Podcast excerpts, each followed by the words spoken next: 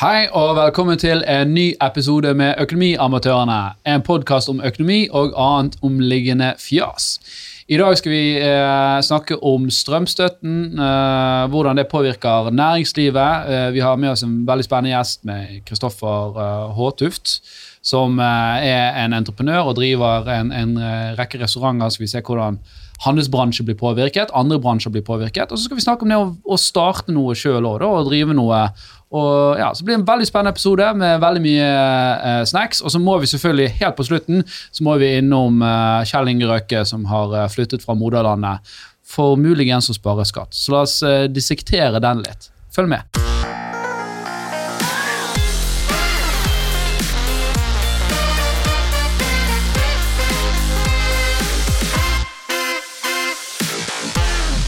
Yes, vi uh, er mannsterke i studio i dag. Uh, undertegnede sitter her. Vi har selvfølgelig den, uh, den komiske Jan Tore Kristoffersen. Hello. Ja. Og vi har Torstein Meldingen, mannen som har hatt flere yrker enn alle her i rommet. Og så Ja. har vi en kjempespennende gjest eh, med oss i dag. Som filmer seg selv for øyeblikk. øyeblikket. Vi snakket nettopp om social, so, sosiale media presence, så jeg tror vi, eh, vi kommer eh, ut på hans kanal noe, kanskje. Eller han bare sender snap til, til, til konen. Det vet ikke vi. Jeg har ikke Snap heller. Men Kristoffer ja, Kristoffer Håtuft, hvem er du, sånn veldig kort fortalt? Oi, det prøver jeg å finne ut av, da. Ikke det det handler om. Hvem er er kokk, driver restauranter. Uh, uh, jeg har liksom tenkt på meg sjøl som kokk eh, de siste 20 årene. Jeg jobbet eh, veldig hardt for å eh, få lov å eie liksom, det å være kokk. da. For det er Mm. alltid, noen, det er alltid en flinkere kokk som du ikke liksom er kokk nok. holdt jeg på å si. Mm. Men i det siste så driver vi mer flere, fler, driver vi mer på en måte med Ja, liksom sjef, sjef for alle sjefene mine. sant? Mm. Så jeg er mindre på kjøkkenet og mer på eh, laptopen. nå. Så jeg må finne meg en ny eh, definisjon snart, tror jeg. Ja, for du har jo flere restauranter som, som er relativt populære òg. Kan, kan du nevne noen av disse? Ja, så jeg har uh, Lysverket, som er den som vi har hatt lengst. Den er fra 2013. Hoggorm 2018. Damsgård 2020. Banja nå i vår 22. Mm. Og så holder vi på å eh, jobbe oss inn på Ole Bull på Ole Bull scene og Storm, som ligger på Ole Bulls plass. Ja. Må jo bare si Lysverket er jo den andre stjernen i Bergen i historien. Michelin-stjernen, er ikke det riktig? Ja. Det er jo ganske impressive. Som er fantastisk for oss. Jeg er liker å si én av to, ikke den andre. Ok, ja, det er sant. Det er sant. Ikke én av to. sant? Du er jo ikke bare i Norge.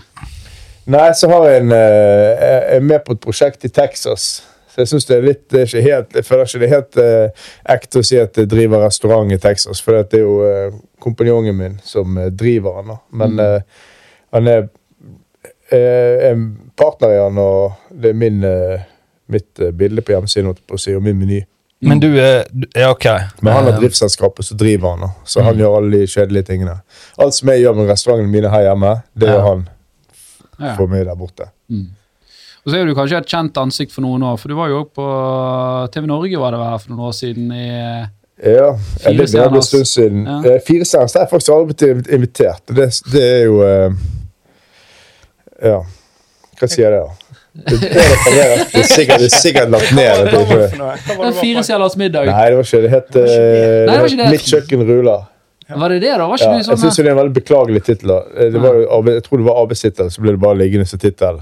For det, det australske konseptet er My Kitchen Rules. Ja. Og det er jo marginalt bedre. Ja, Men mitt kjøkken ruler. Det, jeg vet ikke, det var litt flaut. Men, men det var et gøy program. da. Det var gøy å være med og hjemme hos eh, familier som lagde mat og konkurrerte mot hverandre. Ja, det var sånn spesielt interesserte familier som var liksom Ja. hobbykokker, som da konkurrerte mot hverandre. Så, så var du en slags eks ekspert. eh, Ja, så meg og eh, først Ole Martin Alfsen og så Lise Finkenhagen. De var medprogramledere. da. Vi gikk rundt og smakte maten. og... Har du noen sånn favorittkokk? I Norge? Eller i verden? Altså, hvem er liksom Uh. Er det Jeg får, jeg får sånn uh, Anthony Bourdain-vibber. Nei, så Jeg kan så lite om Ja, mat jeg vil jo si uh, Jeg tipper liksom Lise Finkenhagen er Norges beste kokker. da. Mm. For alt det hun lager på VG, på godt.no, alle kokebøkene og sånn, da lager hun alt sjøl. Alt smaker ordentlig godt, alt er veldig ordentlig laget. og og det er liksom ingen juks. da. Hun står og produserer all denne maten hele tiden sjøl. Så bare tenk så mye forskjellig hun har laget og, til høy kvalitet, og jobber bagatell og høyre, hånd til Even Hellstrøm osv. Mm. Og bare fantastisk bra dame. Hun er nok veldig flink. Ehm, jeg vil jo tenke at eh, og Det er så godt spørsmål. Jeg kan sitte lenge og meditere på det der. Uh, ehm, Jeg føler jo jeg har det, masse gode kompiser som jeg syns er Som er liksom ikke kjente, men de bare er Ja, som bare kokker uh, noen du vil name-droppe her litt. Gi dem litt eh, cloud. Ja, nei, men det er jo liksom det er I Bergen etter hvert så har vi en liten sånn her eh, Vi har en sånn her eh, Old Boys-lag som fremdeles går rundt og lager mat. sant? Øystein Næss, Morten Tungsvik, Petter Beyer. Alle de som hvis de var på Jacobs uh, back in the day. Okay. Og uh, Morten som var på bar. og Nei, jeg vet ikke. Det er masse flinke kokker. altså. Det er ikke alle som eh, ikke alle som er like liksom eh, har gulltann og PR-kåt som meg. Det, det, det var faktisk akkurat noe jeg skulle spørre om, for du har jo disse her, eh, han Hellstrøm og eh, hva er han fra Kitchen Nightmares? Som Gordon Ramsay. Ja. Ramsay, men det er jo veldig sånne tydelige karakterer. Og jeg føler hvis, hvis du som en TV-produsent står og velger mellom Kjempedyktig, stille, rolig kokk. Han er jo klin uh, gal og kan kutte litt grønnsaker. Vi går for han. Ja, men jeg har kompiser som jobber for Gordon Ramsay, eller jobbet da. For jeg har en god del venner som har jobbet på en måte på de der ordentlige restaurantene til Gordon Ramsay. Og det er ikke noe joke det, altså. Han har vel noen trestjerner? Ja, og han eh, en, en kompis som fortalte fortalt at han i ansettelsesprosessen til den ene restauranten, så var det bare Gordon Ramsay og han er sånn executive chef som satt der og smakte maten og pilte det fra hverandre og var super-psycho.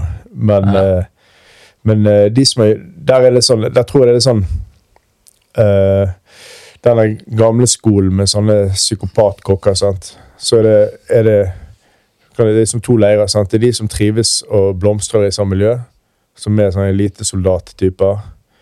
Og så er det de som eh, ikke liker det, og, og slutter. sant? For du må jo fortelle hva, liksom for de som lytter, hva dette miljøet er. da. Det er jo et helt spesielt arbeidsmiljø. Du står jo bokstavelig talt Jeg har vært i dette selv.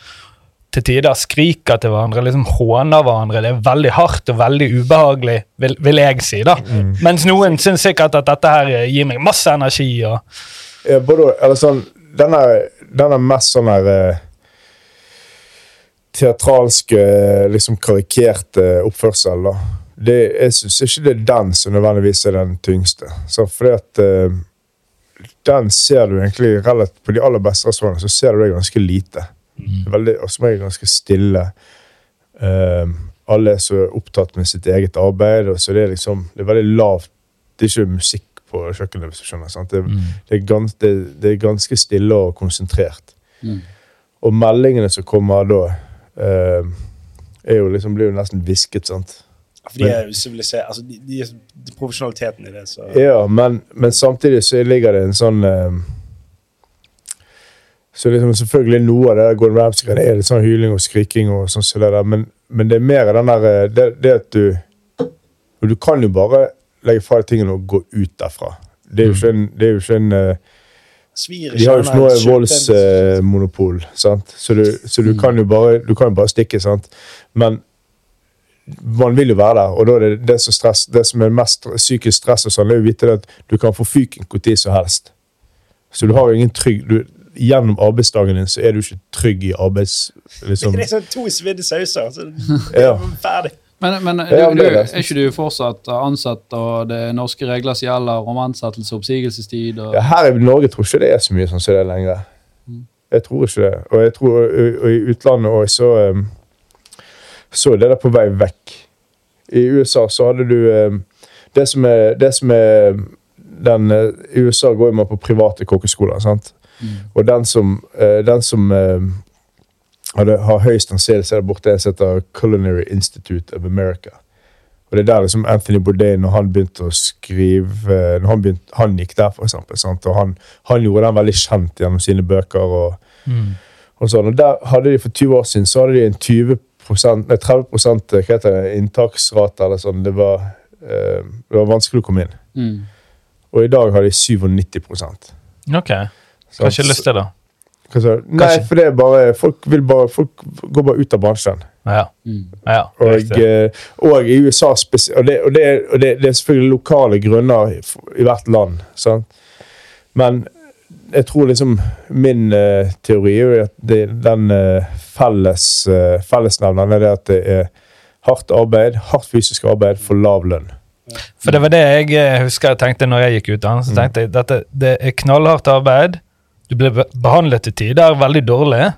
Eh, det er veldig dårlig betalt, og jeg jobber når alle andre har, eh, har fri. Liksom, det, var, det var ingen det jobbet du som kokk, da? Ja, ja.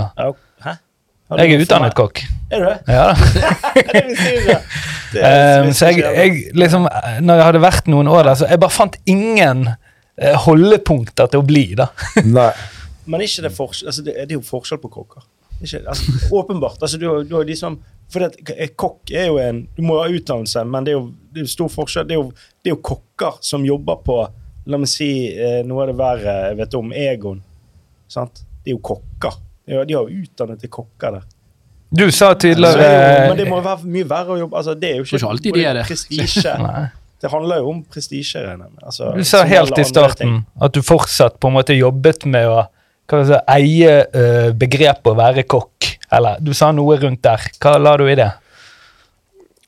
Uh, ja, nei eh, Det er jo litt sånn her uh, Ser du på de som jobber på Egon som kokker? Sånn. Ja, jeg tenker at uh, jeg har uh, kjempe, kjemperespekt for dem. For de, eh, det er sikkert beinhardt å jobbe der, tipper jeg. Ja. Sant? Det er masse gjester Men du har ikke respekt for konseptet Egon, selvfølgelig. Respekt. eh, Jeg synes ikke, jeg ville ikke laget den samme maten sjøl hvis jeg skulle laget med et konsept, men har eh, det er jo naivt å ikke ha respekt for at de er de som drar eh, snittfortjenesten opp i landet.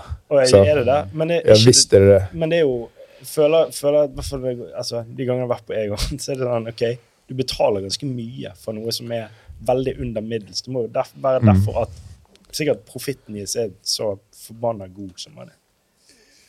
Ja, jeg skal, ikke, jeg skal være forsiktig med å uttale meg for mye om Ja, ja. hva Men jeg, jeg kan jo si Det det at eh, eh, de har en bedre De har en bedre gjennomsnittlig fortjeneste enn bransjen har, hvis jeg mener altså, jeg jeg, det er noen stordriftsfordeler og noen effektivitetsgevinster som de har eh, knekt. da. Eh, Effektivitetsgevinster, tror jeg. Du henter jo annet maten sjøl, ikke det? Mm. Jeg, jeg har alltid ikke spist der på fryktelig lenge, så jeg husker ikke helt. Men, eh, men du henter ikke du maten etter du har bestilt i disken? Jo. Så du du går i disken og bestiller. Yes. Da tar, du, sånn da tar du vekk servitørene, sant? Og så, tar du, og så har de uh, sikkert uh, en meny som ikke forandrer seg fryktelig mye. Mm. Og så er de sikkert, tipper jeg også at de har en slags uh, kinarestaurantmeny der veldig mange komponentene går igjen på flere retter, tipper jeg. Mm. Så, Så det er kjapt og effektivt å drive det. sant? Ok, Men men, jeg tror, men jeg tror nok de har gode råvarer, ordentlige råvarer og liksom ja. Jeg tror bare folk elsker å hate de, sant? Ja, jo da, det er alle, alle elsker å hate liksom, de som er store. Det, det, det, er lett, det, er lov, det er lov å slå oppover, som man sier. sant? Uh, men men uh, for din egen uh, del du, du, Det virker som du har, du har en lidenskap for, for, for faget, da, sant? og så har du valgt du har valgt å ikke lage Egon, da. Du har valgt å lage Foreløpig. Foreløpig, ja. Watch out, Egon. jobber med et konsept.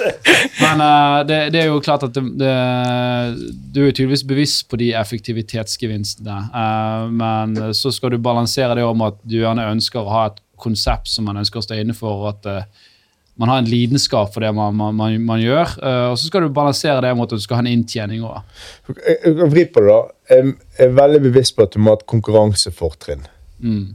Sant? For det, det, du sier når du sto der, og så sto der og liksom tok stokk på situasjonen din og tenkte at her er det liksom ikke så mye å hente. sant? Jeg begynte å lage, jeg begynte å lage mat eh, Jeg begynte i læreren da jeg var sånn 4-5-6-7, et eller annet. Mm.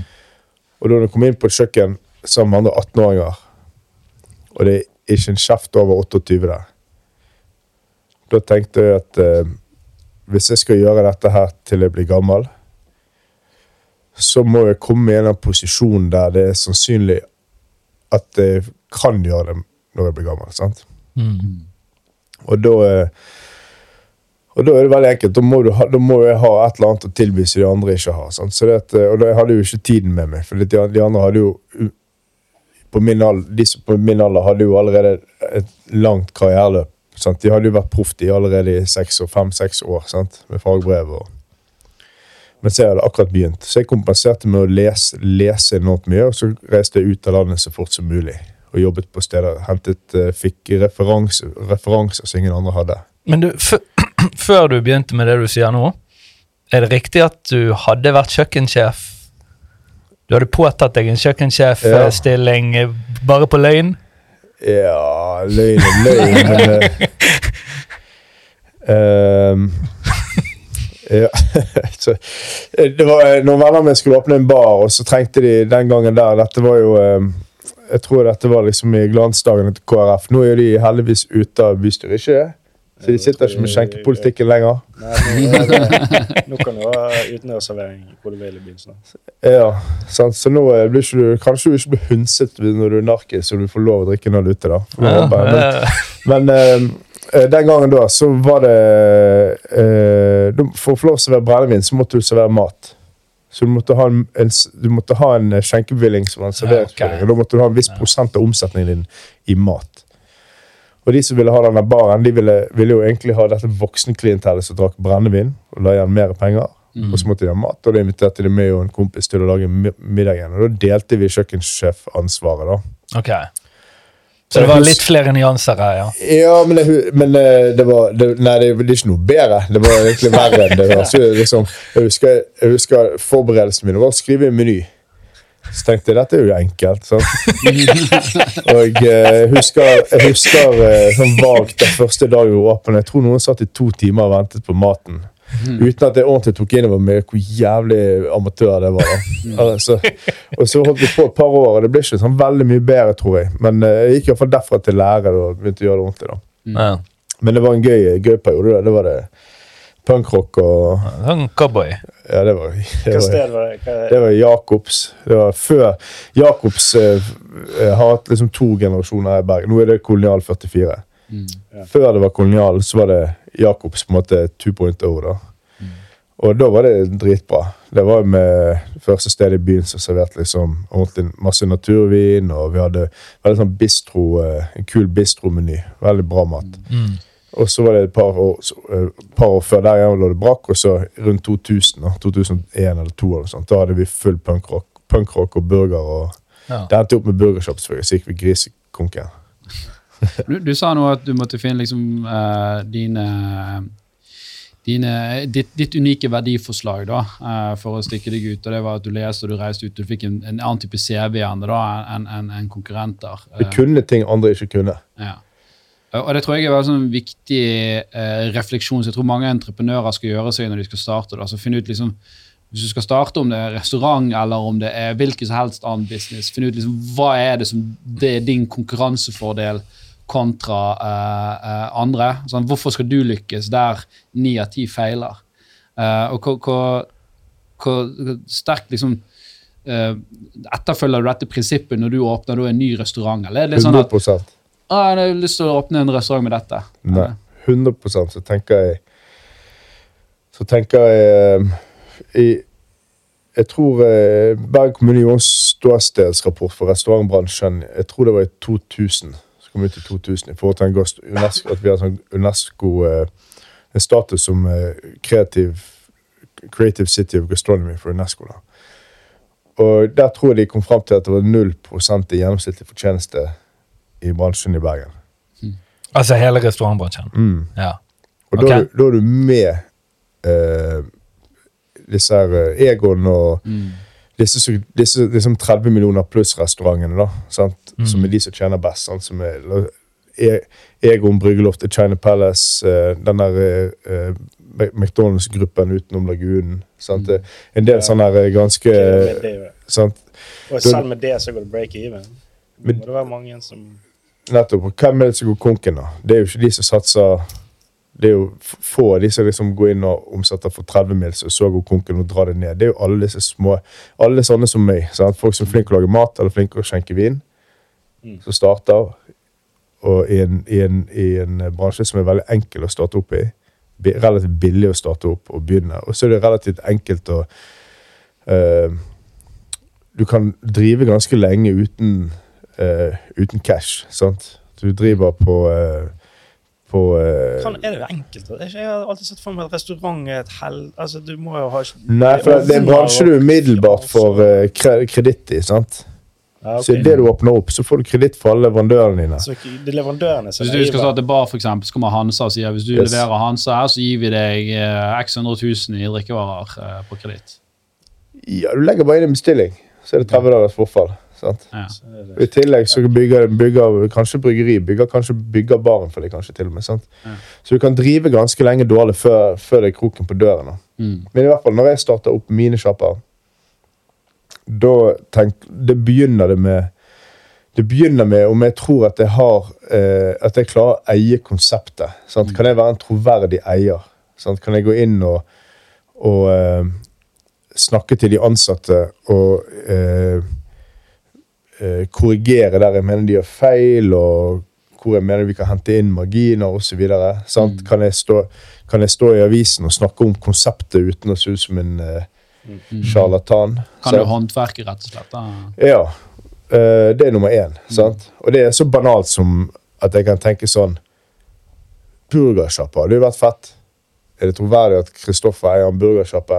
Og hvis svaret er nei, så beveger vi oss videre umiddelbart. sant? Mm. Um, og så er det selvfølgelig praktiske ting. Har, jeg, har jeg liksom eh, en ryggraden i bedriften til å skulle ta på meg mer? eh, Har jeg cash, osv.? Men også, og så eh, går det på liksom marginene. sant? Mm. Kan jeg, kan jeg drive sånn som jeg driver i et lokale der huseier også skal ha veldig høy fortjeneste, f.eks.? Mm. Sant? Kan jeg drive innenfor Jeg har en del sånne eh, eh, Hva jeg sier jeg? kaller det for eh, non-negotiable standards. Sant? At det er sånn, råvarene skal være ordentlige og bærekraftige. Ja. Så hvis jeg skal inn i en bransje Hvis jeg for eksempel skulle gått inn i sushibransjen da, og konkurrert på det laveste pris, eh, eh, prisnivået på sushi, så hadde jeg ikke klart det. For jeg hadde ikke klart å finne produkter som hadde kunne konkurrert i den prisklassen. sant? Ja. Så det må være, det må være innenfor en bransje som, eller innenfor et segment av bransjen der mine standarder har forutsetning for å lykkes. Og så vil jeg prøve å finne selvfølgelig en huseier som eh, ser en synergi i å ha med i bygget, som gjør at uh, de kan ha en annen uh, modell, ikke billigere leie, kanskje. sant? Ja. For det at du er i bygget der, tiltrekker andre Ja, leietakere, og skaper et miljø. Ja, eller det er et lokale som har hatt lav leieinntekt tidligere. Mm. Der å snu og forandre totaldriften kan gi en annen leieinntekt. sant? Ja. Um, Er det veldig mye av profit uh, Har du profit split med disse her huseierne? Ja, det liker ikke Det liker ikke jeg. Det, li- det liker ikke du? Nei. Nei. Fordi at uh, hvis det er null, hvis det er 0 i gjennomsnittlig margin, Mm. Hvorfor skal andre være med på rei- liksom, Det er alltid stått inn som sånn Ja, så er, vi, så er vi med på reisen hvis det går bra. Vi hjelper litt i starten, også, hvis det går bra, så er vi med på reisen. Så jeg får ikke være med på reisen min.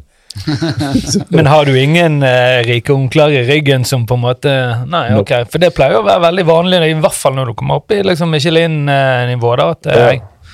Men det er No, baby! Self-made. Ja, er Hvor mange andre, andre Michelin-restauranter har ingen, uh, men det, det, det, det, det, det er noen. Mikael på Kontrast, for eksempel. Han har, han har ikke en krone i ryggen på noen. Okay. Og så skal det også sies at til og med eh, Espen på Memos har tre stjerner Nå har jo han en partner, sant? Men eh, Ja. det er jo, den er jo han, De har jo bygget opp fra Han og de han har bygget opp med, er jo bygget opp fra ingenting. Okay, Så de har kommet fra løn, Ja, ja. lønnsomhet, eller Jeg, jeg vil si det at det er ikke, det er ikke en Michelin-restaurant i Norge som har liksom kjøpt seg til en stjerne. eller noe sånt. Så det, alle, all, alt er gjennom blodslit og beinhardt arbeid. Ja, Det betviler jeg ikke, men sånn som Miami går jo millioner på millioner i minus, gjør ikke de det? da? Nei. Ah. Ah. Det er Nei, det vet jo du bedre enn meg. Nei, men, men, det er jo bare ikke bare google, da. holdt jeg på å si. Det er bare jo, på det, det, det, det mener jeg gjorde. For Ja, men, det, må, men det går helt an på hva du har sett på. Sant? For at de har jo nettopp byttet lokale. Sant? Så Mm. det å dra på seg si at det er enormt med kostnader på å bytte, åpne opp i nytt lokale Det var ikke så lett å få bord der på Miami. Eller det var Nei, det er litt sånn der. Hele det der, der eh, Michelin eh, taper penger på Michelin og alt det der. Jeg tror det er noe som henger tilbake til en veldig spesifikk eh, Michelin-restaurant. Med en veldig eh, tydelig eier og en veldig tydelig eh, Bagatell. driver. Sant? Ja. Som ikke tjente penger og eh, Og mente at det ikke gikk an på det nivået i Ja, Norge. men jeg, eh, tror ikke, jeg tror det har vært kroken på døren Få For si- for snu på det, da. Hvor mange Michelin-restauranter har gått konken? da, sant? Men jeg, jeg, Og så kan du jeg, si sånn, ok, hvis det blir spyttet inn masse penger Men til og med liksom, hvor mange rikinger kjenner du som ikke bryr seg om å tape penger? da? Nei, men det er jo noe, hvis, hvis, du, er, hvis du har røkkepenger, da Eller uh, trenger ikke være røkkepenger, men hvis du er Jeg vet ikke om du vil si etter det lenger. er? Nei, men hvis du er godt holden, da altså, Om du da har liksom et, et hobbyprosjekt der eh, ok, det, det går ikke i pluss, eh, det taper ikke så mye, men det er veldig kult å kunne ta med forretningsforbindelser Ja. eller vite at du har et bord der hele tiden. Altså, jeg kan se for Men Akkurat som folk bruker eh, 50 millioner på en yacht, da, og heller da taper en halv million euro på en restaurant. Da har du yachten, skjønner du hva jeg mener? Ja, men så har du restauranten nå, så taper du en halv million på den. sant? Du bruker mer i Ja, vedlikehold på en yacht på 50 Kanskje. millioner. Hvis det er noen rikinger som har lyst til å tape masse penger på meg, så skal, ikke, så skal jeg hjelpe dem med det. liksom. Men, men jeg, bare, jeg bare kjenner ikke en eneste riking som ikke syns det er mest av alt i verden helt drit å bare tape masse penger. Ja. Den eh, For Det er ikke så vanskelig å tjene penger på en restaurant. Sant? Så det der liksom finnes i det at du år på år taper penger, det er Jeg synes det liksom er litt sånn gøy. Dette knuser litt sånne myter. For vi satt og Ja, ja. at det der, hva er det som åpner restaurant der? Det, altså, du, du sa jo det selv, at Statistikken viser at det er null fortjeneste der. Så det, er jo, det, det høres ut som en beintøff bransje. da. men for å, for å si som deg, la oss snu det litt på hodet, da. Det er jo ingen, det er jo ingen Eller det er i hvert fall veldig få sektorer hvor det er høyere grad av konkurs. Eh, eh, enn i restaurantbransjen. Så jeg vil jo tippe at mange vil la seg provosere av setningen at det er jo veldig enkelt å tjene penger på Kan jeg hive inn en brannfakkel? Er det fordi at hvis det er så enkelt å starte opp, så er det mange som starter opp som ikke burde starte opp? Det er ikke noe brannfakkel. Det sier jo seg sjøl. Det er jo helt liksom Det er jo eh, For det som, det som skjer Jeg tror veldig mange starter fordi at hvor mange, for å si det sånn, Hvis du hadde hatt en eller annen sånn eh, et eller annet sånn der eh, AI Google-søk der du kunne funnet ut variasjoner av setningen Vi starter den puben slash restauranten, utestedet, vi har lyst til å gå på sjøl. Sant? Det er, jo, det er jo nesten den enkleste Det er den beste begrunnelsen ofte folk kommer åpner, eller har for å åpne en sjappe. Vi manglet et sted i vår bydel eller by som Vi kunne ønsket gi oss sånn lage sånn et lage et utested som vi syntes var kult. Ja. Sånn. Og det er ofte kriteriet. Sånn. Eller, eller det er sånn eh, alle, alle de andre fra mitt hjemland som er, som er vennene mine i denne byen, sier at jeg lager den beste maten fra mitt Der, ja. hjemland. Derfor så skal jeg lage en restaurant som lager mat fra mitt hjemland. Sant? Eller, eller eh, bare en eh, kokk som eh, har så utrolig mye i seg, så de må være kreative og vise fram. Og liksom, jeg har jobbet på noen fancy restauranter, nå er det min tur å vise denne byen hva jeg kan gjøre. liksom. Det er ingen andre i denne byen som kan lage disse sausene og disse, dette skummet og sånn. Så det er veldig mye sånn. da. Ja. Og, Ja, det kjenner jeg igjen. Ja. Og, det, og hvis du hadde tatt det til en investor-pitch, da, og de hadde sagt sånn Hva er ditt sånne unike, unike salgspunkt? Så ville det vært ja, smak, da. Sant? Og det er ofte ikke nok til å få penger av en investor. Sant? Og, hvis du ikke får penger, og det er jo, den, den syretesten fins ikke. Det er veldig få som starter eh, i, I Norge veldig få som starter restauranter med eh, hva skal jeg si, eh, stone cold eh, investorpenger. Mens i utlandet er det veldig mye oftere, mye tyngre investorer i utlandet, i- eller i, ikke utlandet, men i større byer. da.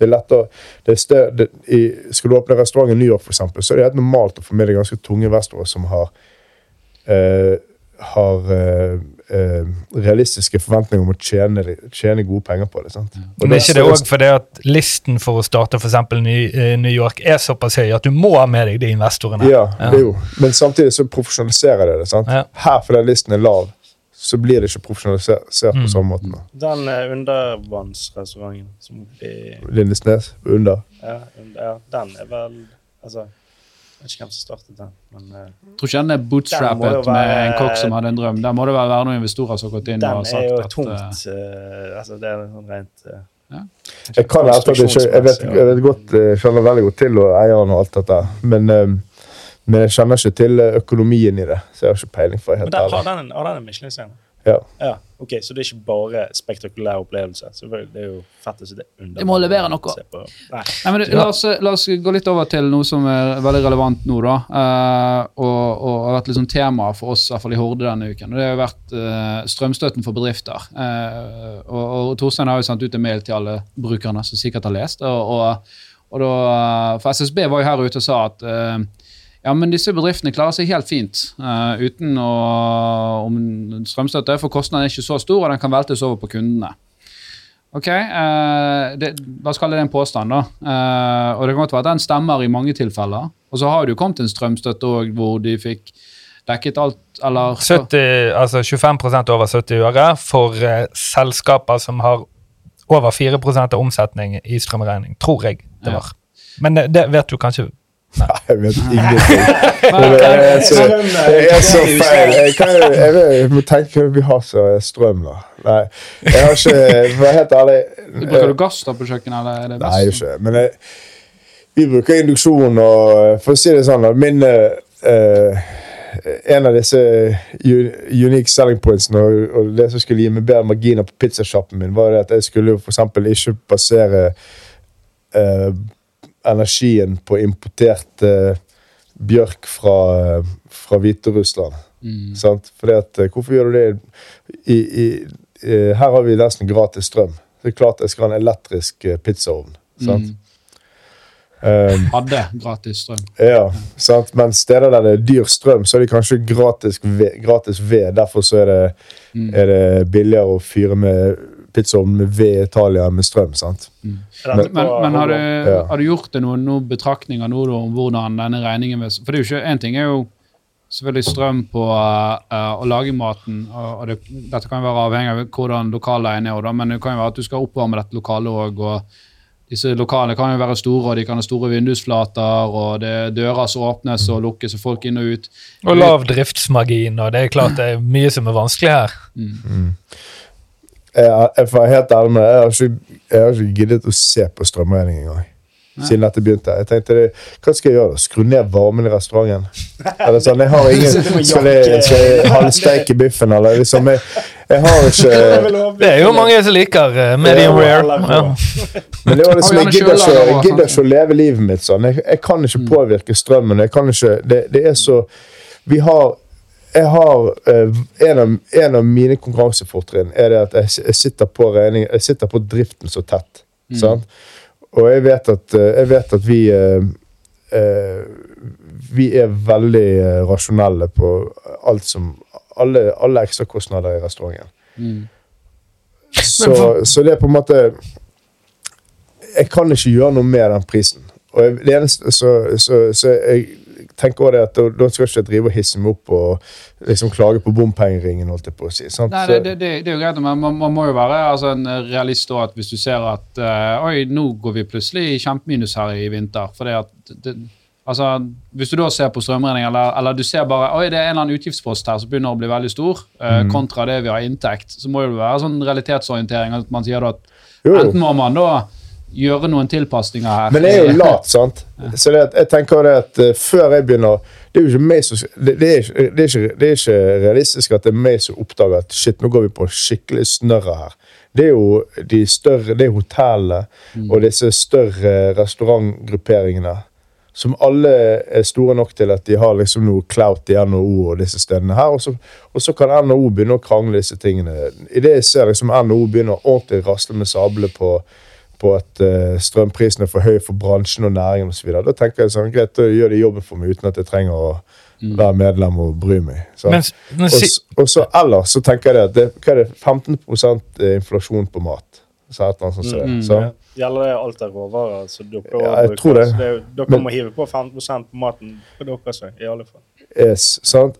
I tillegg så er det, er det er lønningene fordi at det er liksom ingen rekruttering, rekruttering i bransjen, pluss at folk forsvinner fra bransjen, så er det nesten umulig å få ansatte. Så da går lønningene kraftig opp.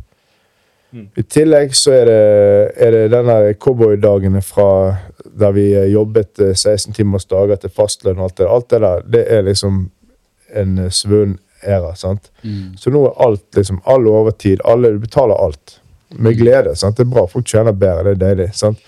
Men alle kostnadene mine går opp. Strømregningen er liksom bare én av veldig mange kostnader som går opp. Så det at jeg gjør alt jeg kan for å sette opp prisene. U uavhengig av strøm eller hva det er. Så strøm, derfor, er det det er derfor er litt sånn her, leker kul med strømmen nå. Men det, for jeg bare vet det er en av veldig mange. Det er verre med lønninger og råvarepriser, tror jeg. Men det er vel lettere Ja, det, det henger jo eh, ofte litt sammen om med, med, med strømprisen. Sant? Ja. At produksjonen av eh, gass blir dyrere, gjødsel blir dyrere, mat blir dyrere. Sant? Ja. Foredling av mat eh, blir dyrere for strømprisen går opp. Så det er jo sånn mye som du kan bake se sammen til at den utløsende faktoren er, er liksom strømprisen, faktisk. da. Uh, selv om du ser den kun på ett sånn spesifikt sted på, på din kostnad. Grunnen til at noen av de andre går opp, underliggende, kan være at strømprisen uh, har gått opp. Ja. Derfor ble ja, maten har gått opp. Og det er jo den største faktoren òg. Det, at, at det er inflasjon på mat. Men uh, okay. Strøm. Strøm. Ja, jeg, eh, jeg tror det. Ja. Ja, nei, ja, jeg, jeg tror det er prosentmessig fordelt litt. Og, altså, ja, det er det. Ja, men jeg tror ikke, har du sett eller Nå, bare, nå snakker jeg ut av ræven, for dette, liksom, jeg har to i matte og ett år på videregående. Liksom, så jeg har ikke peiling. Men ikke strøm, strømprisene er jo relativt nye, sant? Ikke det? Eh, ja, det er jo helt Det har jo energi- foregått helt Energiprisene har vært fra høye ganske lenge. Ja. Altså. Og så Det, det er jo særlig i år. da, så ser du på Strømprisene begynte jo å løpe galopps tidlig i år, og, og fikk helt eh, Eller egentlig i fjor begynte jo strømprisen å Ut på høsten. Ja, ut på høsten så begynte jo strømprisen å gå opp. Eh, og i juli i år så var matvarer, eh, eksklusiv holdig drikke, det var oppover 10 eh, dyrere. Så, så det er jo en korrelasjon mellom at strømprisen allerede er på vei opp, og så kom dette Ukraina som bare kicket det i high gear. da. Så korrelasjonen er jo der. produksjonskostnadene, frakt og alt av matvarer som gjør at kostnaden blir ja. Ja, men jeg, nå husker jeg ikke, nå igjen jeg, nå har ikke jeg følt så jævlig godt med, så det er kanskje Men i hvert fall jeg fikk Jeg, jeg mener å huske at uh, diskusjonen rundt råvarepriser, matvarepriser uh, Heads upen der kom først. Den kom allerede i, i, i uh, tidlig invasjon, sant? i mars eller hva tid det var. sant? Før det ble liksom disse crazy strømprisene. Og det som, og det som, eh, og det som var eh, et av argumentene da, var det at de får ikke korn i jorden, og så får ikke de eksportert korn, og så, eh, får og så eh, kommer ikke, det kommer ikke til å påvirke ordentlig, ordentlig liksom, korn, eller kornprisene globalt sett før til høsten og vinteren. Ja, Sant? Det er jo og en- som Og det, og det da, er da du får en sånn kjedekollisjon. sant? Og, så det som, er, det som jeg i hvert fall sa internt hos meg idet krigen begynte, da, det var det at vi vi kommer, liksom, vi kommer ikke til å se noen kjempepriser opp med en gang, og det gjorde ikke vi. Men uh, idet de, invad- i det de invaderte Ukraina, så ringte melleverandøren vår og spurte om å få låse prisen på mel. Mm. Uh, og uh, Og Bakgrunnen som kanskje alle, alle vet, er jo det at Ukraina er jo en utrolig stor nasjon når det gjelder uh, kornproduksjon. Eh, og det er ikke sikkert alle var klar over. Ja. Og så i hvert fall, så det som jeg sa den gangen, var at vi, begynne, vi begynte, vi satte opp prisen allerede i, i mars-april. begynte vi å sette opp prisen. Fordi at eh, for sa, for det, det, som, det som er veldig spesielt med bransjen min, er at vi, er, vi følger uh, Dette har jeg heller ikke noen sånn dekning for å si, men det er liksom i hvert fall sånn jeg har opplevd det. da, At vi følger ikke eh, normal eh, eh, prisstigning i samfunnet ellers. Sant? Så de 15 prosentene, de ser vi ikke på de ser vi ikke på restaurantmenyene rundt omkring. Og det er igjen fordi at vi er uproffe. Sant? Vi er en relativt uprofesjonell bransje. Um, og vi er livredd på hva folk uh, syns om oss. Vi, er, vi har så lav sjøltillit sånn, i forhold til hva behov folk har for å bruke oss. Og vi er så redd for hva naboen gjør, at, at eh, vi, det er ingen som har lyst til å være førstemann til å skru opp prisen 15% Og så hører man på veldig dårlige råd rundt. Sant? Jeg spør deg hva, eh, liksom, det, hvor mye skal en pizza koste, da? Sant? Og så sier du et eller annet, og dette er jo en sånn teori jeg har. Du sier, du sier en pris fra den gangen du ordentlig brydde deg om hva ting kostet. Sant? Så hvis jeg spør, hvis jeg spør deg tre hva en pils koster rundt omkring, så tipper jeg dere svarer det som pilsen kostet for ti år siden, når dere telte på kronene. Sant? Og så, og så skal 20, 25 kroner på ja, og så- garasjen. og så skal dere leke lur, og så skrur dere opp prisen litt, for dere skjønner lurespørsmålet. Og så sier dere likevel altfor lav pris. Og det er den sånne som jeg hører på, og så tør ikke vi sette opp ordentlig. Sant? Mens Egon, som vi har brukt det som et eksempel, der tipper de bare regner seg fram til hva han skal koste, og det er det han koster. Men gjør ikke dere det? Jo, litt. Jeg, Her er råvarekostnadene ganger 400, eller litt, ja. sant? Men Men så er det jo Men hva det er jo- folk er villige til å betale. Jeg regner med at dere har fått en Michelin-stjerne og alt det der, så er det, fyrt opp pris med en det er jo bare den må jo ja, Nei, men det gir jo mening. Hallo, Michelin-stjerne Torstein prøvde å få oss walking på er lysverket her. Ja, men det er fett. Det er bare å prøve. Det er Du må snu det, men det er fett at dere prøver. kom så ble flau. Han sto her. Nei. Men det er Vi har jo eh, I dag hadde vi kanskje et ledig bord, tror jeg. Men uh, Ja, det, ser du, det går an. ukedagen Ja, det hender jo. Jeg syns jo det er dritgøy de gangene vi faktisk har ledig bord. Det hender jo folk ikke dukker opp og sånn, da. Ja, ja, det var det jeg sa. Det, jeg sa det er 10 sjanse, og vi, det er rett borti høgget. La oss gå. Ja, ja, det er bare Det skal jo aldri jeg håper aldri bli en sånn restaurant det Det er ikke en morsom sketsj. Det er han er Bjørn Asgersson fra Humornjø back in the day. Så har sånn her, eh, han har sånn her Hva er det? Har du sett det? Nei. Ja, der han, eh, han kommer hjem og så Take away takeaway fra Miami. Kjøpt uh, takeaway fra Miami. Hva er det? Det gnar seg i seg. Uff. Jeg vet ikke om det, det går selvfølgelig ikke an. eller, men Take away fra Miami. Ikke noe, eh, kanskje, kanskje under pandemien. Kanskje gjorde det under pandemien. Men nå er er jo åpent vennlig, så der er det sikkert god eh, take away. ja. Men okay, men da, da antar jeg La oss snakke litt om ja, hva gjerne ego gjør. da, for det, det som, Hvis du har et, en, en stor organisasjon og du har en økonomiavdeling, så kan du regne noe som heter sant? Og da, da måler du ok, hvis jeg øker prisen så og så mye her, hvor mye frafall får jeg av ordre? sant? Eh, men da må du jo ha et, et stort nok volum til at det faktisk er statistisk signifikant. og du kan måle dette her. Ok, Hvis jeg setter opp prisen på denne burgeren med 50 kroner, eh, det, det er 50 økning, eh, får jeg da forsvinner eh, 50 av kundene mine, rett og slett. Sant? Nei, bare 10% forsvant. Ah, ja, men det er jo kjempebra. Vi tjener 50% mer, vi mister bare 10% kunder. Det er jo kjempebra. sant? Gjør dere eh, Jeg antar du ikke gjør det, da? eh, siden du sier at du tar Nei, det jeg gjør ikke, jeg gjør ikke det sånn datastyrt, men jeg har jo samme logikken. da. ja. Bare at, jeg, bare at jeg er nødt til å jeg er nødt til å dra det ned litt på nesten individnivå. Sant? Så det er et, et godt eksempel. Da, sånn, og da, jeg er ganske god sjøltillit når det kommer priser. Sånn. Jeg er aldri, egentlig aldri redd for å skru opp priser. Og, eh, eller sånn. Jeg tenker at uh, Folk får bare gi beskjed da, hvis det er for dyrt. og Det er liksom ikke så jævla nøye. sant? Men, uh, Jeg bare så Ja, bare- ja. ferdig, da. Ja. Men uh, så jeg, jeg tenker noe sånn så jeg, ser, jeg ser på stat, statistikken over salg på flasker vin, f.eks. Mm. og eller glassvin og sånne ting. Så, så ser jeg det at ok, her selger vi enormt av denne vinflasken. Denne spes spesifikke vinflasken. På en sånn en liten restaurant som ikke er datastyrt, og da kan jeg anta at han selger mye fordi at det er et produkt gjestene liker, og mer enn noe annet, det er et produkt eh, servitøren er komfortabel med å selge til den prisen. Da fyrer jeg bare opp prisen. For det, at mest sannsynlig så kommer de til å fremdeles være komfortable med å selge den til, om prisen er 50 kroner mer eller 100 kroner mer. Og folk bryr seg mindre enn man tror. Ja. Og det salget jeg, jeg, tror at, jeg tror at dynamikken mellom gjest og, gjest og servitør i det salget skjer, er viktigere enn liksom, hva prisen er og hva produktet er osv. Mm.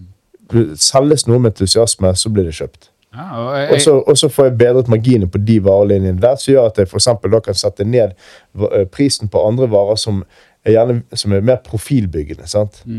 For det, det, er litt sånn, det er jo en greie. sant? Det er liksom, vil, de tingene som selger av seg sjøl, men ikke er profilbyggende, de må jeg tjene mer på. Mens, mens eh, den eh, veldig kule naturvinen fra det området der jeg kjenner, og så kjenner jeg bonden osv., det er kanskje viktig for meg å, å, eh, å bruke som en signaleffekt. sant? Det får ikke du på ego.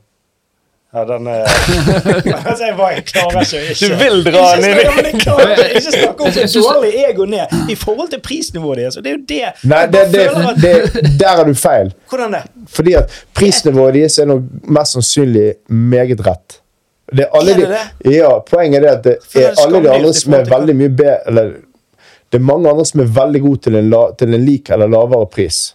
Det Ja. betyr ikke at prisen til Egon er feil. Nei, men Nei, det betyr okay, at de sånn, andre ja. burde hatt en, en høyere pris, og den Riktig. burde vært mer verdsatt.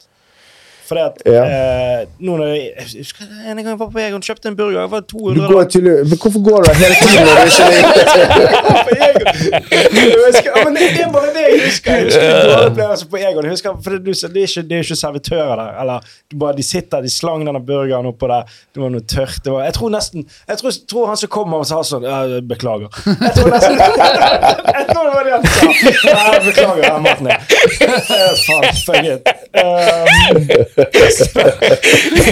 det, er, ikke sånn det skal være. Spise mat. Men det er jo, det er jo jeg synes det er utrolig spennende, veldig mye av det du sier, og i hvert fall innfallsvinkelen din. Og det er nok veldig sunt å ha den innfallsvinkelen når du jobber i bransjen selv, men så tror jeg også at det er eh, riktig, eller det vet jo man da, at eh, en, liksom et restaurantbesøk er et slags overskuddsprodukt for en vanlig husholdning.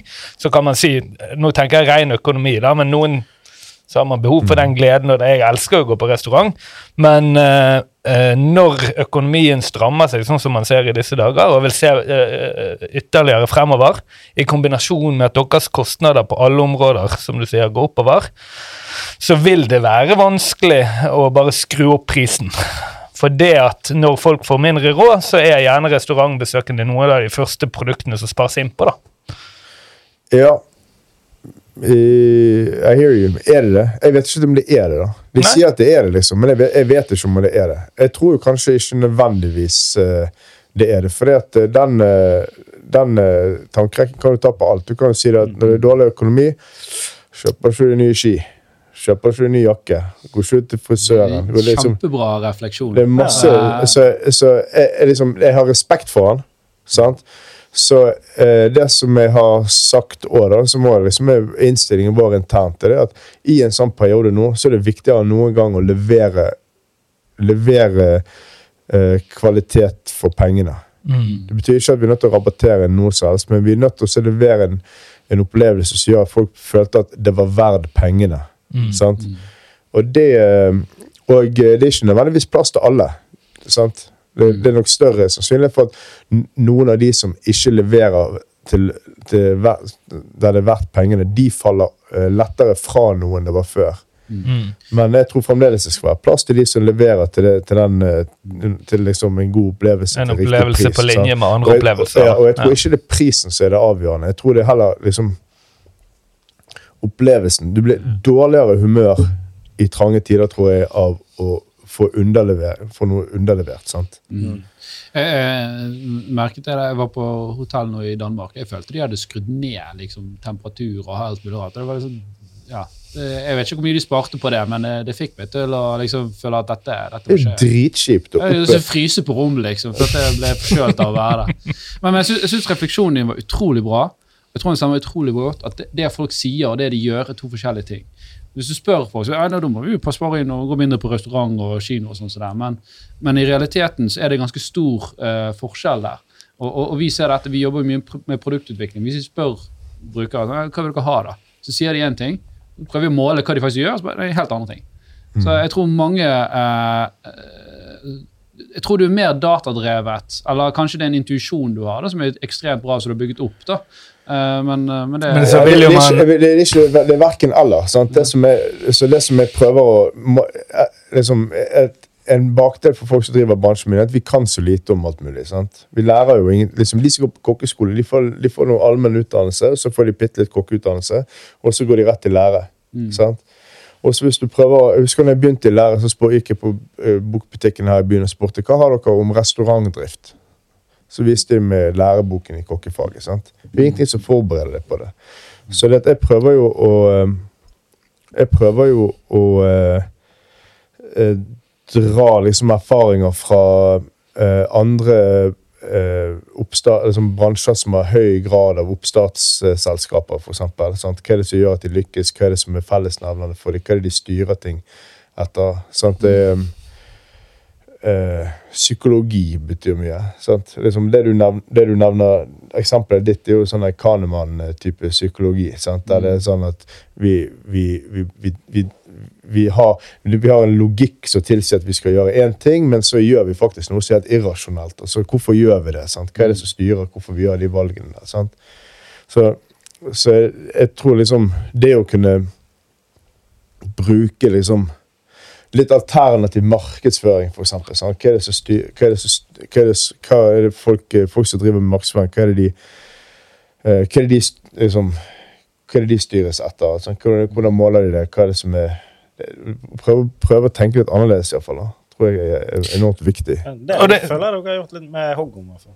Det selger Ja. merch og sånn. er Ja. er Og det, det selger Nei, men det, det, for meg det er veldig sånn. Nå, for eksempel, nå står vi på, utenfor Dam, nå er det Damsgård som jeg må jobbe opp. Men vi må forklare liksom hva, hva Hoggorm er for de som ikke er Ja. i Bergen. Ja. Det, det er jo e- egentlig en, en, en en litt eh, utradisjonell pizzarestaurant.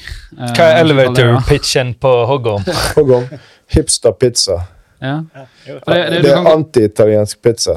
Med østers til forrett. Ja, med men et sted der, med, som har liksom eh, Et sted der du òg kan bruke så mye penger du vil. Mm. mm. Det, Det har så kjent det på da, men det ja, er vi har sånn, vært der noen ganger, vi. Ja. Men går du på McDonald's, så er du ganske for, så er du forberedt, så er du mentalt forberedt på hva du skal bruke av penger. og Det er veldig sjelden du går inn og bruker dobbelt så mye penger på Hoggorm, nei, på McDonald's enn du hadde tenkt i utgangspunktet. sant? Og Sånn tenk, har jeg tenkt at det er på de aller fleste pizzasjapper. Så da tenkte jeg ok, Du serverer du meg en, en pepperoni-pizza, så forventer jeg pepperoni-pris. Ja. Men hvis du da legger til at du kan kjøpe østers, og vi har vin eh, helt opp i liksom ganske høye prisklasser på vin Kan du bare si, Jeg har vært der noen ganger, da, og eh, hver gang jeg spør eh, en av servitørene der Jeg anbefaler en av vin til under 1000 kroner. Her har du en til 999. De er Ja. veldig på de den skulle du anbefalt en til 1200. Ja, jeg, jeg, jeg, jeg, jeg gir ingen navn. Nei, men poenget er det, Hvis du sier jeg skal ha en vin til 1000, ingen problem, her er en til 1200. Ja, Men jeg sa under, da. Nei ja, men likevel. Du er liksom, du er liksom i nærheten, da. Ja, men de, men de treffer bra. Jeg tror de har fått ut sine vinpenger. Mine de er noen jævla snikere. Altså. Hver gang jeg bestil, I går så bestilte vi 15 kilo fisk. Fikk vi 18 kilo. Ja. Så står jeg og ser på alle filetene, og hver filet er kanskje et kilo. Så er sånn, Du bommer ikke med tre fileter. liksom. Det er jo helt ute, det er helt idiotisk. sant? Og da er det sånn, det er jo selvfølgelig, tenk for, det er jo en genial eh, strategi. Liksom, jo- Kundene våre kommer til å bestille 100 Og Da leverer vi de 115 Hmm. Er så- Det er kjempebra. Tenk hvis hver gang noen bestilte en pils, så her har du en og en halv pils, vær så god. Litt, litt, du må gi meg litt liksom eh, bevegelsesrom på bestillingen din, da. Nei, jeg syns det var, var, var, kjempebra.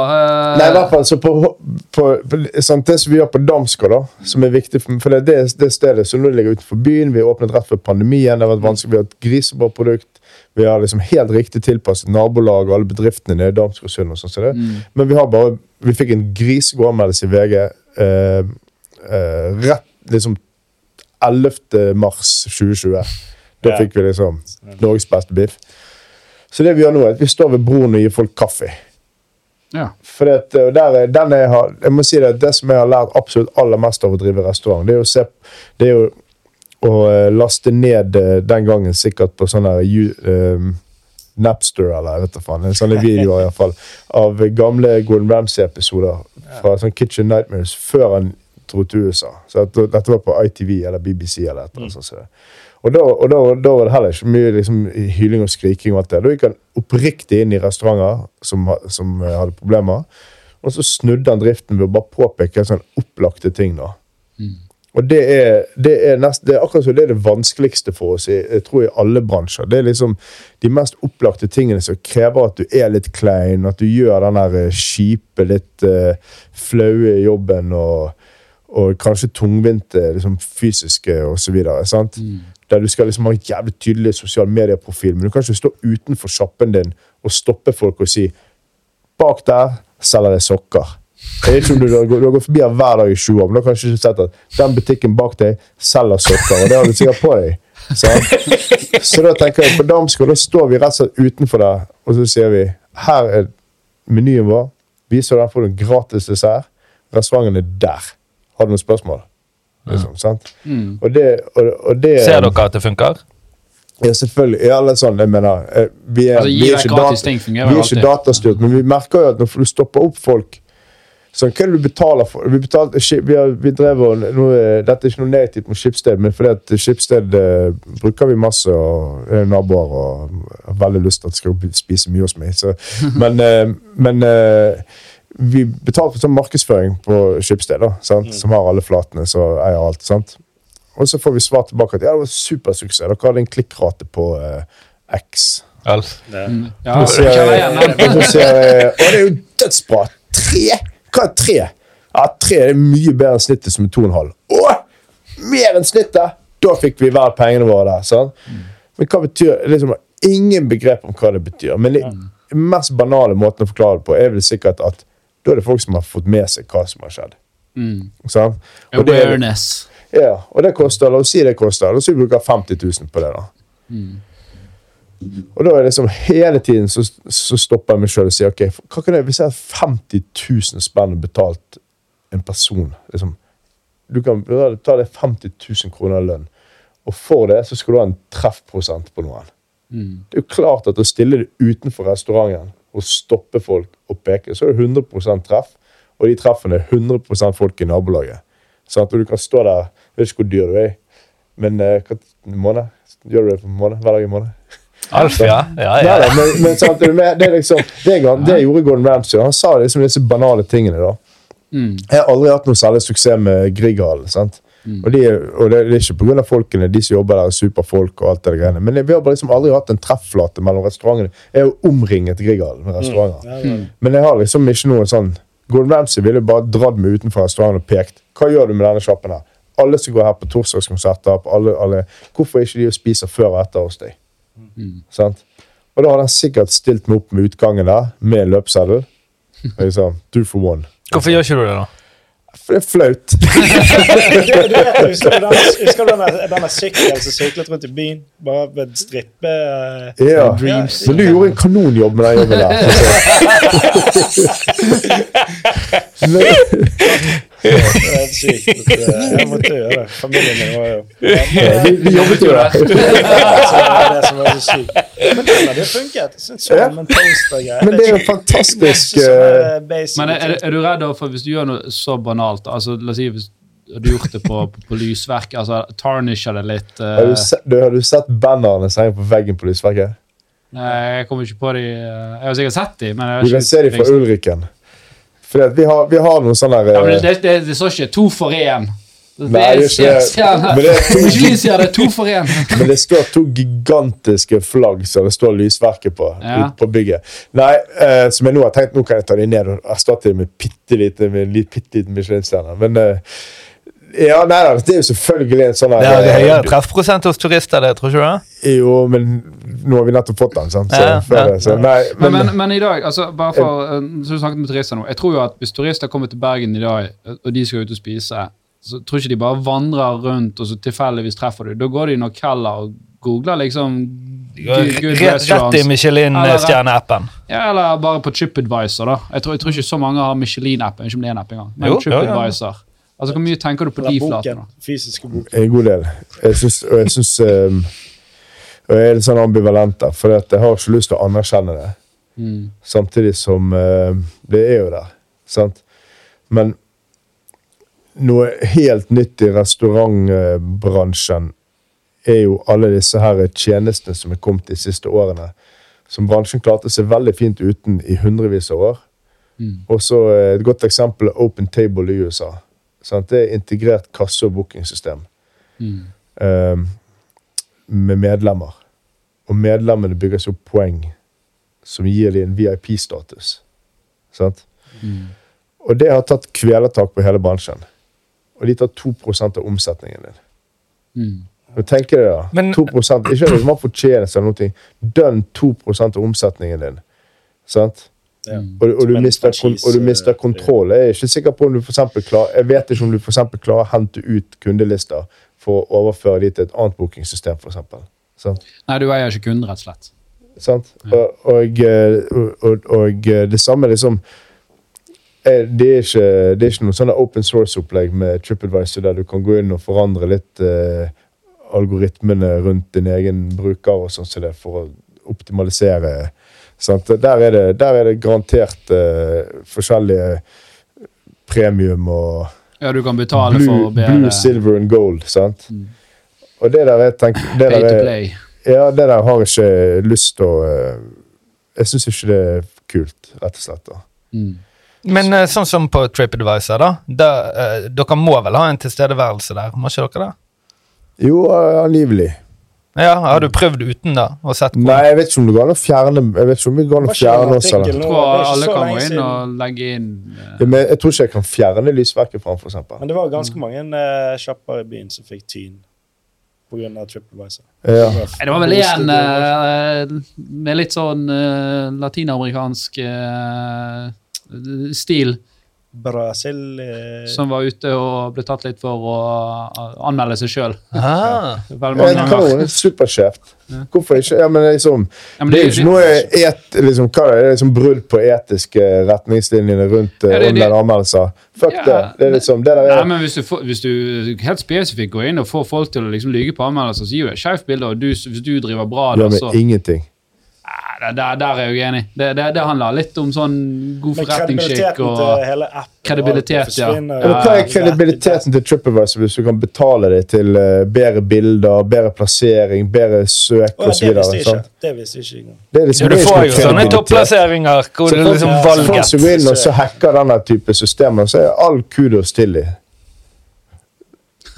Ja, nei, men det er kjempegøy du sier det. at Det er kjempegøy du sier det. smarttelefon forsvant. Jeg husker de jeg husker de jeg, jeg liksom, gjorde da, sånn ha-ha, liksom. Det er ikke, det er det er som, som om jeg Som jeg eh, er helt sånn naiv, sant. Men, men det er bare det at jeg liker ikke systemet. sant? Eh, Vi er, ingen av mine sjapper er på Fodora og Volt og de her sjappene der. For helvete skal jeg gi fra meg 30 av omsetningen min. for det Ta på et Fodora 30. Nei, det skal jeg ikke uttale. Jeg har ikke peiling, jeg. Ah, Men, nei, okay. Det- men eh, poeng, poenget er i hvert fall at Hvorfor skal jeg gjøre det? Ja. Jo, så har de masse gode argumenter for det. at når du er ute, bla, bla, kan bruke den der. Så, men det var ikke nødvendig før. Sant? Og jeg har bare ikke jeg har Men ikke tidene endrer jo seg, da. Altså, Ja. Du kan jo være han sinte gamle mannen sitter Du kan jo være Uh, Lars Ulrich som står og kjefter på Napster. Uh, sant? Metallica han var jo veldig sånn anti-streaming Uh, her hvor det går. Mm. Eh, men det endrer jo ikke at verden går den veien. Nei, det gjør det ikke, men du kan være prinsipiell. Sant? Og det kan være liksom Og jeg, og jeg, jeg anerkjenner at Betaler alle regningen når du er prinsipiell? Metallica klarer Jeg gjør det. Jeg, Jeg mener, jeg har sett bilen min. Sant? Men eh, Litt jeg er er er eh, Bare la meg spørre akkurat, for vi har, Du har nevnt to ganger dette med at eh, Bergen har null i, i, i profitt i denne bransjen. Hva, hvor ligger dine restauranter i snitt? Nei, det er jo ikke lett å si, for de er så nye, og de åpnet midt under pandemien. Ok. Men eh, jeg håper liksom å ligge på Vi bør, bør treffe på 10 Det er liksom det som i hvert fall er målet. da. Og lysverket, vil den eh, være den som drar?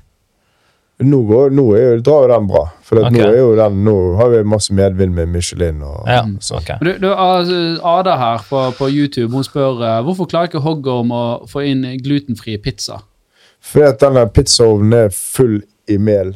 Og det vil folk som har cøliaki Ah. Liksom, Jeg kan ikke garantere for at folk som har cøliaki eh, ikke får mel på pizzaen. Og det, har jeg, det er en skikkelig Ikke bare pyton-opplevelse å sende folk. sølvpapir ikke. Det, si det- det det var- det hvis var du ser- hvis du ser- hvis du ser det- det, det, det kjøkkenet- Pyton-opplevelse på Men jeg ser eh, overskriften. Vi har jo glutenfri Vi har jo eh, en liten hjørne av restauranten så, eller kjøkkenet, så lager vi glutenfri. Vi har sånn torti- tortilla og sånne ting. Så, ja.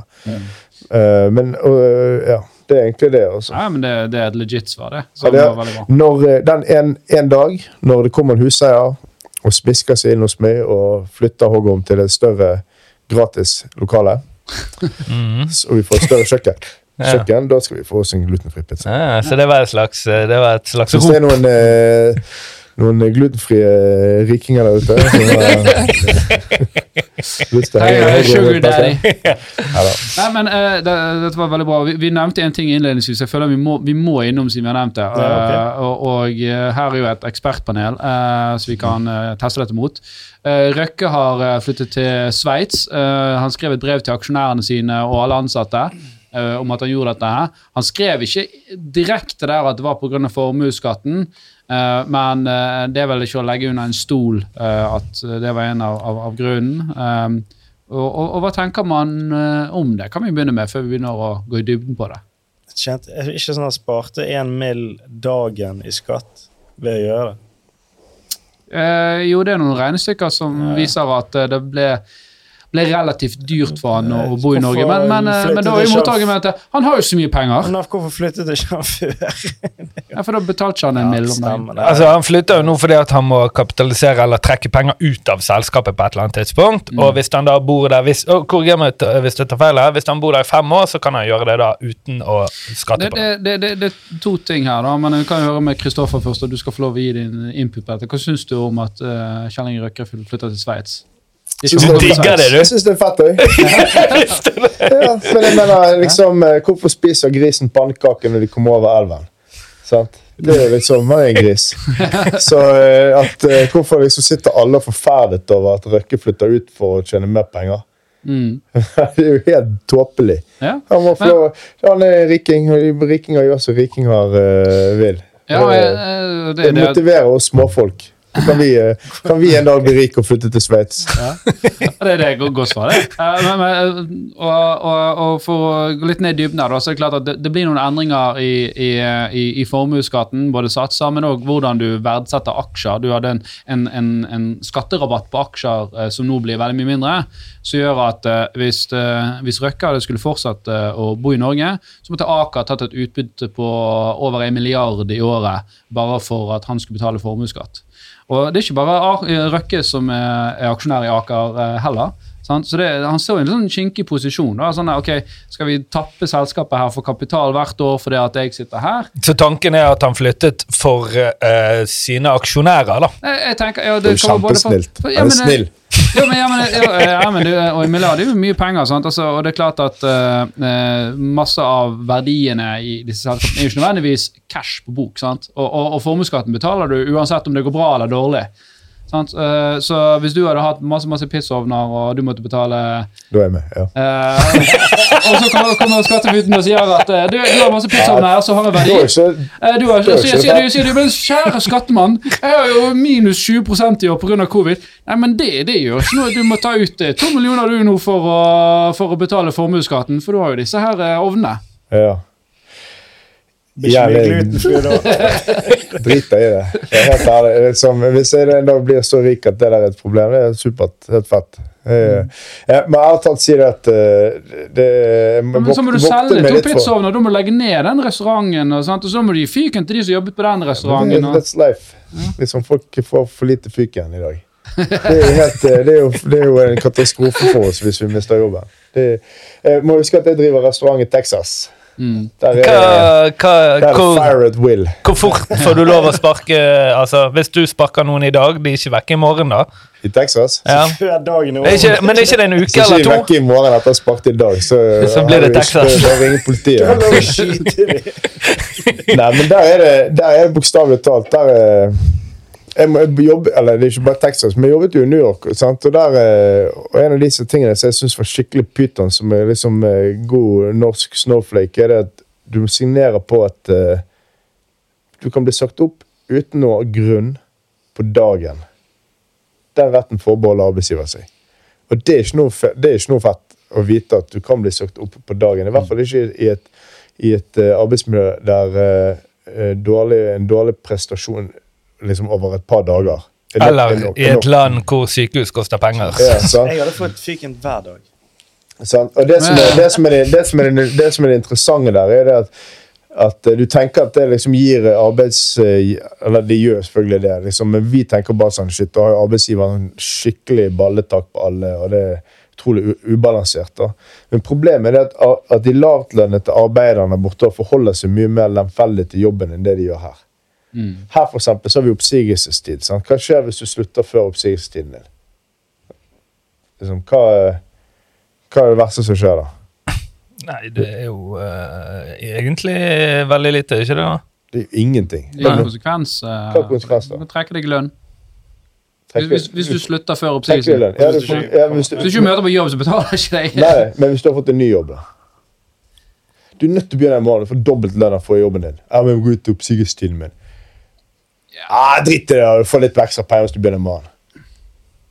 Ja, nei, det, det, Der, liksom, her, vi forholder oss blindt til det, det. det er et veldig sterkt eh, eh, beskyttet arbeidsliv i Norge i, i form av arbeidstakere. Så jeg tror norske eh, befolkningen ikke verdsetter når de Her- ser Her, det er her, her vet jeg hva svaret er, som man kanskje ikke har så veldig mye av i kokkebransjen. I en sånn situasjon, når man da skulle inn i en jobb etter det igjen, så ville man da måtte liksom Altså, man, man sjekker jo disse kontaktene, altså oppgi, det oppgitte kontakter, referanser. Eh, jeg, jeg vet at det ikke er så mye av det Men det er ikke sikkert, det, min arbeidsgiver har jo ikke lov å gi en dårlig referanse. Men det er lov å si at du ikke vil gi referanse.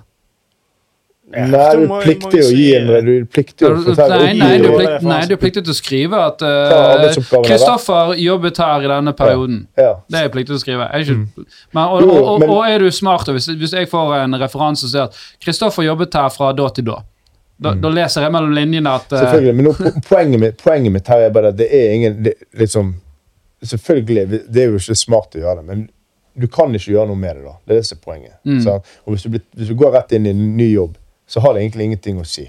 Hvis det gagner deg noe jævlig at det stikker på dagen, så driter du i hva den referansen Men det er veldig sjelden ja. det- Men i, det, i hvert fall i USA, der er det, det er så mye no show. liksom No, no call, no show.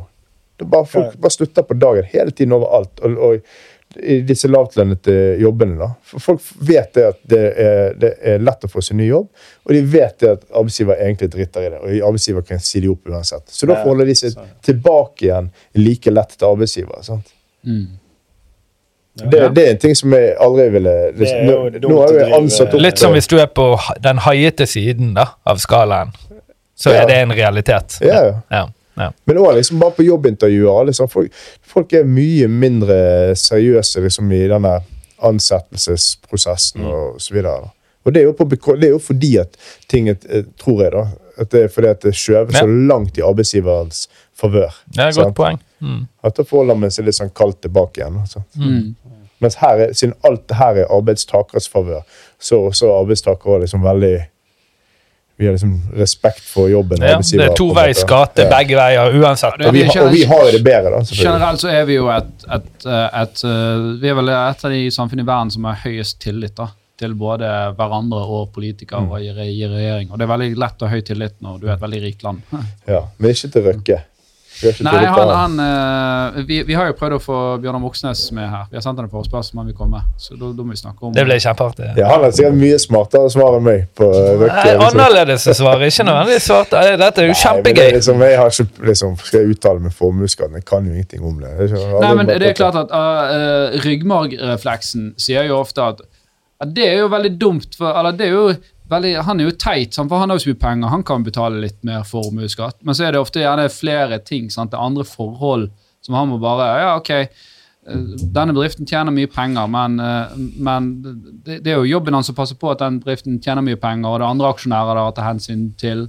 Så, så det er liksom et mer nyansert bilde ofte, da, enn det mange Men så er jo det kanskje akkurat med han, og, og det er jo noe jeg nesten vil, eh, altså, vil gi han respekt for. da. Han har vært veldig ærlig med å si jeg er glad i masse penger, jeg liker veldig dyre ting, og sånn er det. Istedenfor å prøve å sukre den kaken på en litt annen måte. da. For Tom Hagen viste jo ikke at han har penger. Han bare drepte konen sin. Eller, vi vet jo ikke. Men uh, ja det, er- og- og det, det, det, Skeier vi veldig. Nå ble jo svett på ryggen. Er vi ferdige nå? Kommer vi- du må klippe det vekk. vi, uh, vi, vi, vi begynner nå i dag. Det ble en uh, lengre episode, men det var veldig interessant. Og tusen takk for at du stilte opp, eh, Det er bare gøy, det.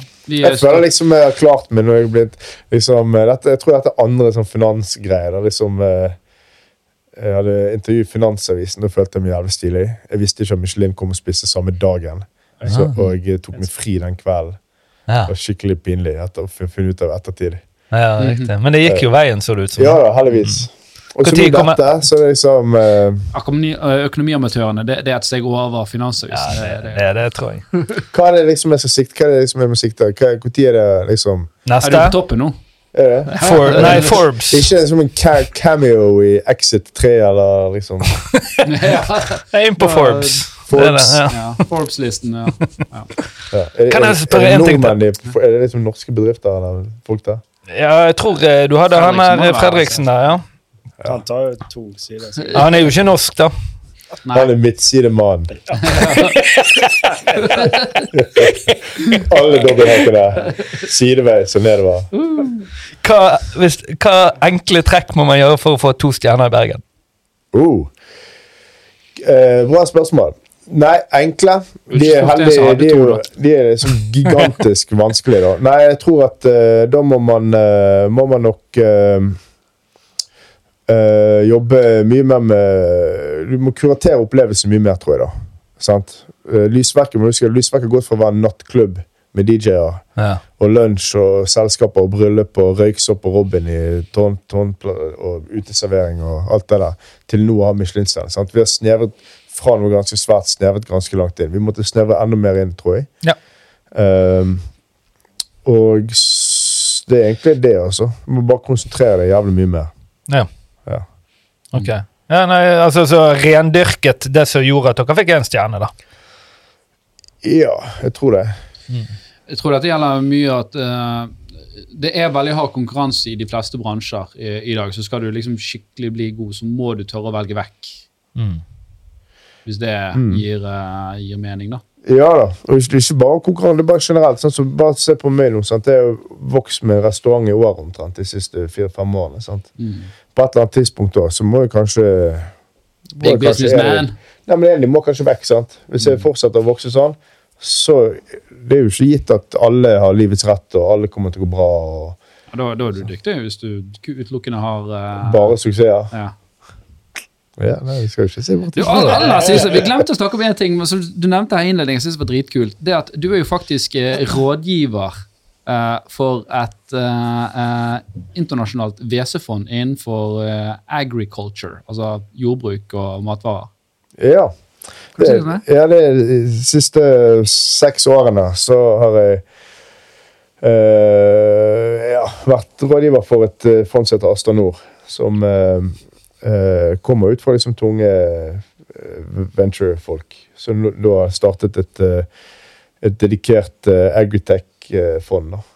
Og så har Nysnø gått inn, gikk inn med 150 millioner i det forrige fondet, som nå er avsluttet, og nå står og de nå jobber med casene de har investert i der, og så nå skal de i gang og investere et nytt fond rundt nyttår på 4 milliarder i 20, ca. 20 selskaper med, med liksom ja, jordbruk, ikke bare jordbruk, men ting, veldig mye omliggende tech. Sant? Så logistikk og datastyring og av eh, liksom lys og vanning til uh, hydroponisk styrking, f.eks. Ja, forskjellige ting. da. Hva var det som var inngangen din til å være rådgiver? her? Stor i kjeften bergenser. Ja, riktig. Ja. Eh, Var, jeg var, eh, var på en eh, konferanse med han der founderen. Satt overfor han og spiste middag og snakket eh, om meg sjøl i halvannen time. Ja, ja. Og så eh, basically han så sa han at han skulle sette i gang et nytt fond den gangen.